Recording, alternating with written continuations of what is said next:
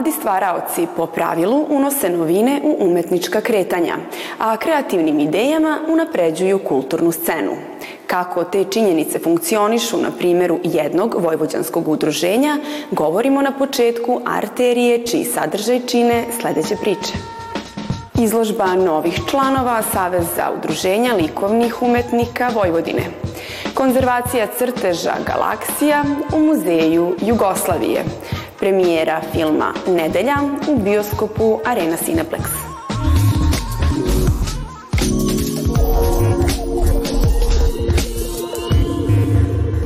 Savez udruženja likovnih umetnika Vojvodine uvećan je za osmoro novih članova koji su svoje radove izložili u galeriji udruženja do 3. februara.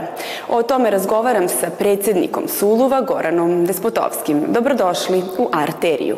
Hvala. Ko su novi članovi i na osnovu kojih kriterijuma su primljeni u udruženje?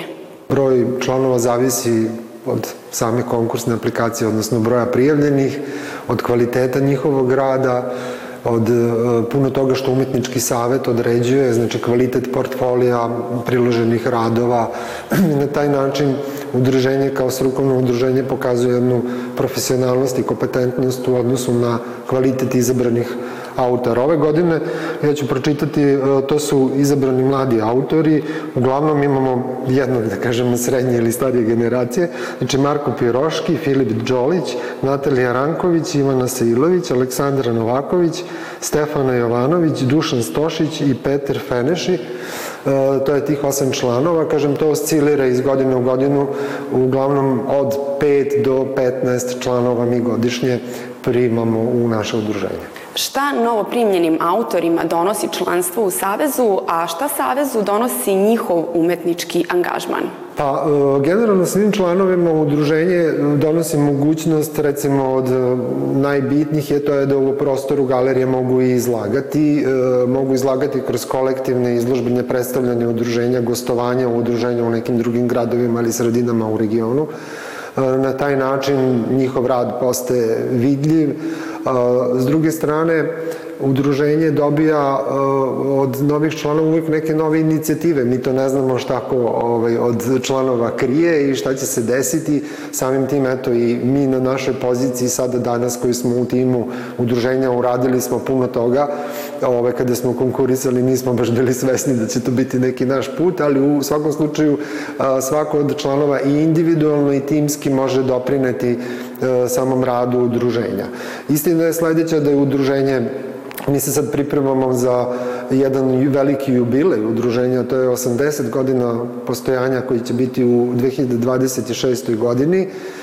Drugi jubilej je postojanje galerije, to je 55 godina na ovom mestu postojanje galerije i imamo još jedan jubilej, znači zapravo tri jubileja, to je 70. godišnja izložba. Mi ovu godinu počinjemo sa novim članovima, a svaku godinu završavamo sa tom godišnjom izložbom velikom, gde su predstavljeni opet izbor na konkursu članova koji, koji se predstavljaju u toj godini i želim da kažem prosto da novi članovi uvek mogu uticati na sve te momente koji se u udruženju dešavaju. Preko nas, pošto smo reprezentativno udruženje i radimo poverene poslove prema samostalcima, oni mogu imati status samostalnih umetnika.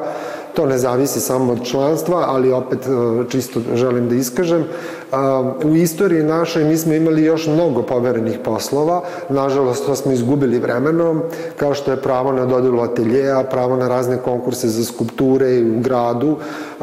Kažem, nažalost, zato što mislim da naše udruženje kao reprezentativno ima tu profesionalizam, taj koji prosto te, tu vrstu poverenih poslova i odgovornosti može da nosi ali ovaj, u svakom slučaju, evo, mi se trudimo da pokažemo našim kvalitetom rada, kvalitetom izložbi, ovim lepim malim prostorom, ovaj, da smo udruženje koje je bitno značajno za grad Novi Sad, za Vojvodinu, kao savez. Postoji li sprega koje autorske rukopise čini bliskim ili je svaki prepoznatljiv i zaseban? Uvek su to znači individualne poetike koje su, ako su tek završeni studenti mlađe generacije su razvijali u toku svojih studija, ovaj, opet o starijim generacijama govorimo o nekom profesionalnom dugogodišnjem radu, o, njihove poetike se razlikuju na svakoj izložbi I to je ono karakteristika prosto kod nas u likovnoj umetnosti, u vizualnoj umetnosti, da se ta naša poruka putem rada uh, drugačije prikazuje na jedan specifičan način, da uvek postoje neki inovativni elementi. Ovaj, ova je jedna klasična izložba slika, zato što smo mi u tom smislu i raspisali taj konkurs kao takav. Hvala lepo na izvojenom vremenu. Hvala, prijatno.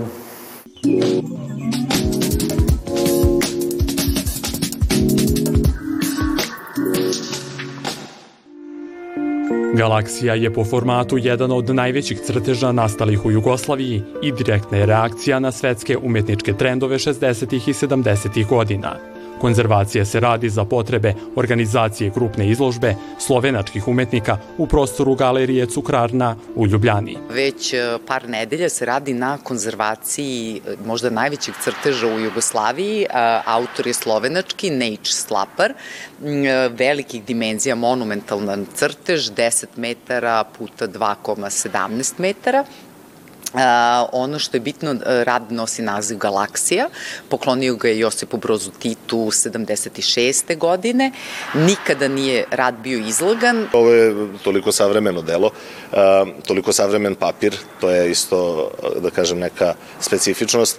Mi smo imali tu privilegiju da stupimo u kontakt sa autorom dok je još bio živ i da se konsultujemo eto, oko tih nekih stvari šta je koristio, kako je koristio, što nam je mnogo značilo za samu konzervaciju, ali i to je vrlo specifičan moment da se radi delo iz 20. veka. Nije baš bilo u najboljem stanju, ali s druge strane ne toliko da je ugroženo bilo šta. Znači, radilo se o nekom mehaničkom čišćenju i tim osnovnim procesima restauracije. Crtež galaksija predstavlja vrh slaparovog konceptualizma vezanog za optičku umetnost i geometrijsku abstrakciju. Rad je nastajao šest meseci zato što ga je radio svakoga dana posle posla i potrošio je litar tuša vrlo precizno je ovaj, to radio, imao ideju kada je krenuo da napravi ovaj rad, hteo je da vidi kako uopšte to utiče na, na posmatrača, i naravno bavio se tom dematerializacijom vasione, materije, nešto što inače u, umetnici u optici rade. Proces konzervacije u Muzeju Jugoslavije nalazi se u završnoj fazi.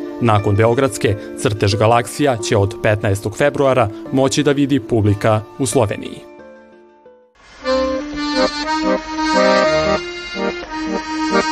U galeriji Forma otvorena izložba Milice Kovačević Refleksija duše. Igrajući se bojama i eksperimentišući sa vojvođanskim motivima i tehnikama oslikavanja nameštaja, umetnica je predstavila 16 unikatnih ogledala. Želja joj je da publiku potakne da ne traže samo svoj puk i odraz u ogledalu, već da zavire u svoj unutrašnji svet.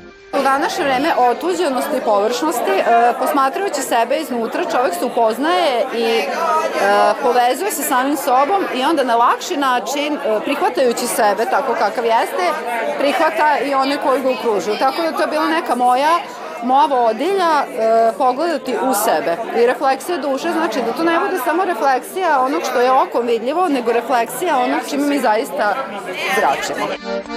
Za dušom i duhovnošću ova umetnica već godinama traga i kao ikonopisac.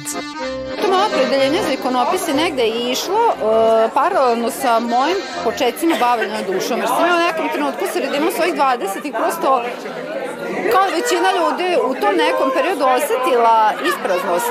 Ispraznost e, sveta, ispraznost dešavanja i prosto mi je bilo potrebno nešto više. I onda sam paralelno, pošto volim umetnost, jednostavno javila mi se da žele za ikonopisom, to prosto javi se, ja kažem to je poziv, mislim to nije, to nije sad, od, kod nekog možda odebrano zanimanje školovanje, kod mene je recimo bio poziv. Izložba je otvorena do 4. februara, a umetnica će svakog radnog dana predveče biti tu za sve posetioce koji žele da razgovaraju o umetnosti, ali i duši.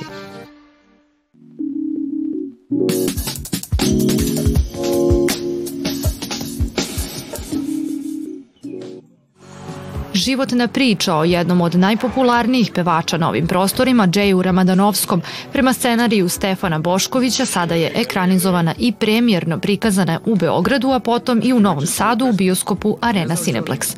Dugo iščekivano ostvarenje nedelja reditelja Nemanje Ćeranića, autora filma Lihvar i serije Kljun, pred publiku donosi biografsku dramu o teškom životu čuvenog Dorćolca, pevača vedrog duha, vrele krvi i iskrenih emocija. Pratimo e, Džeja na ulici kao klinca, pratimo ga kako je završavao u domu, kako je upoznao svoju prvu ljubav, i takođe na koji način su njegovi drugari i njegov ulazak u Šibicare uticali da on posle to, da to postane zapravo refleksija u njegovim pesmama gde će započeti njegovu karijeru. Zapravo, početak njegove karijere je sam kraj filma.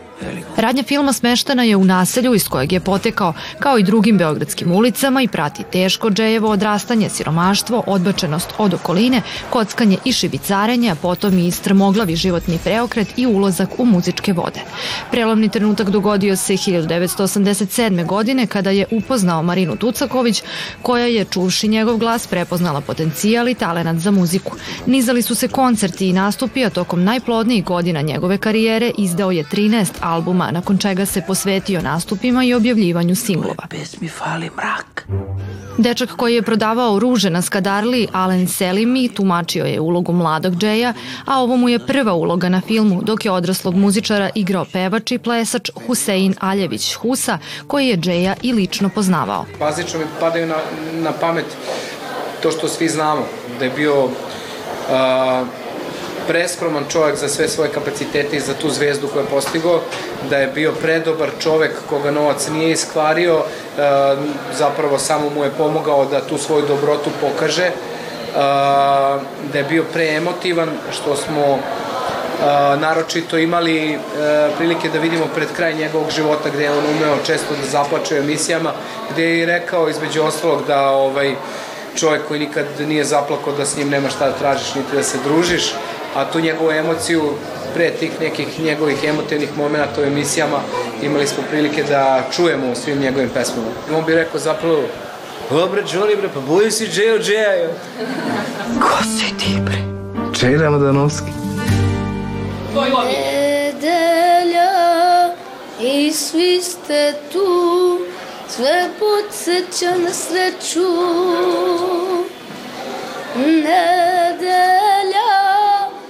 Al više vas ja zagrliti neću.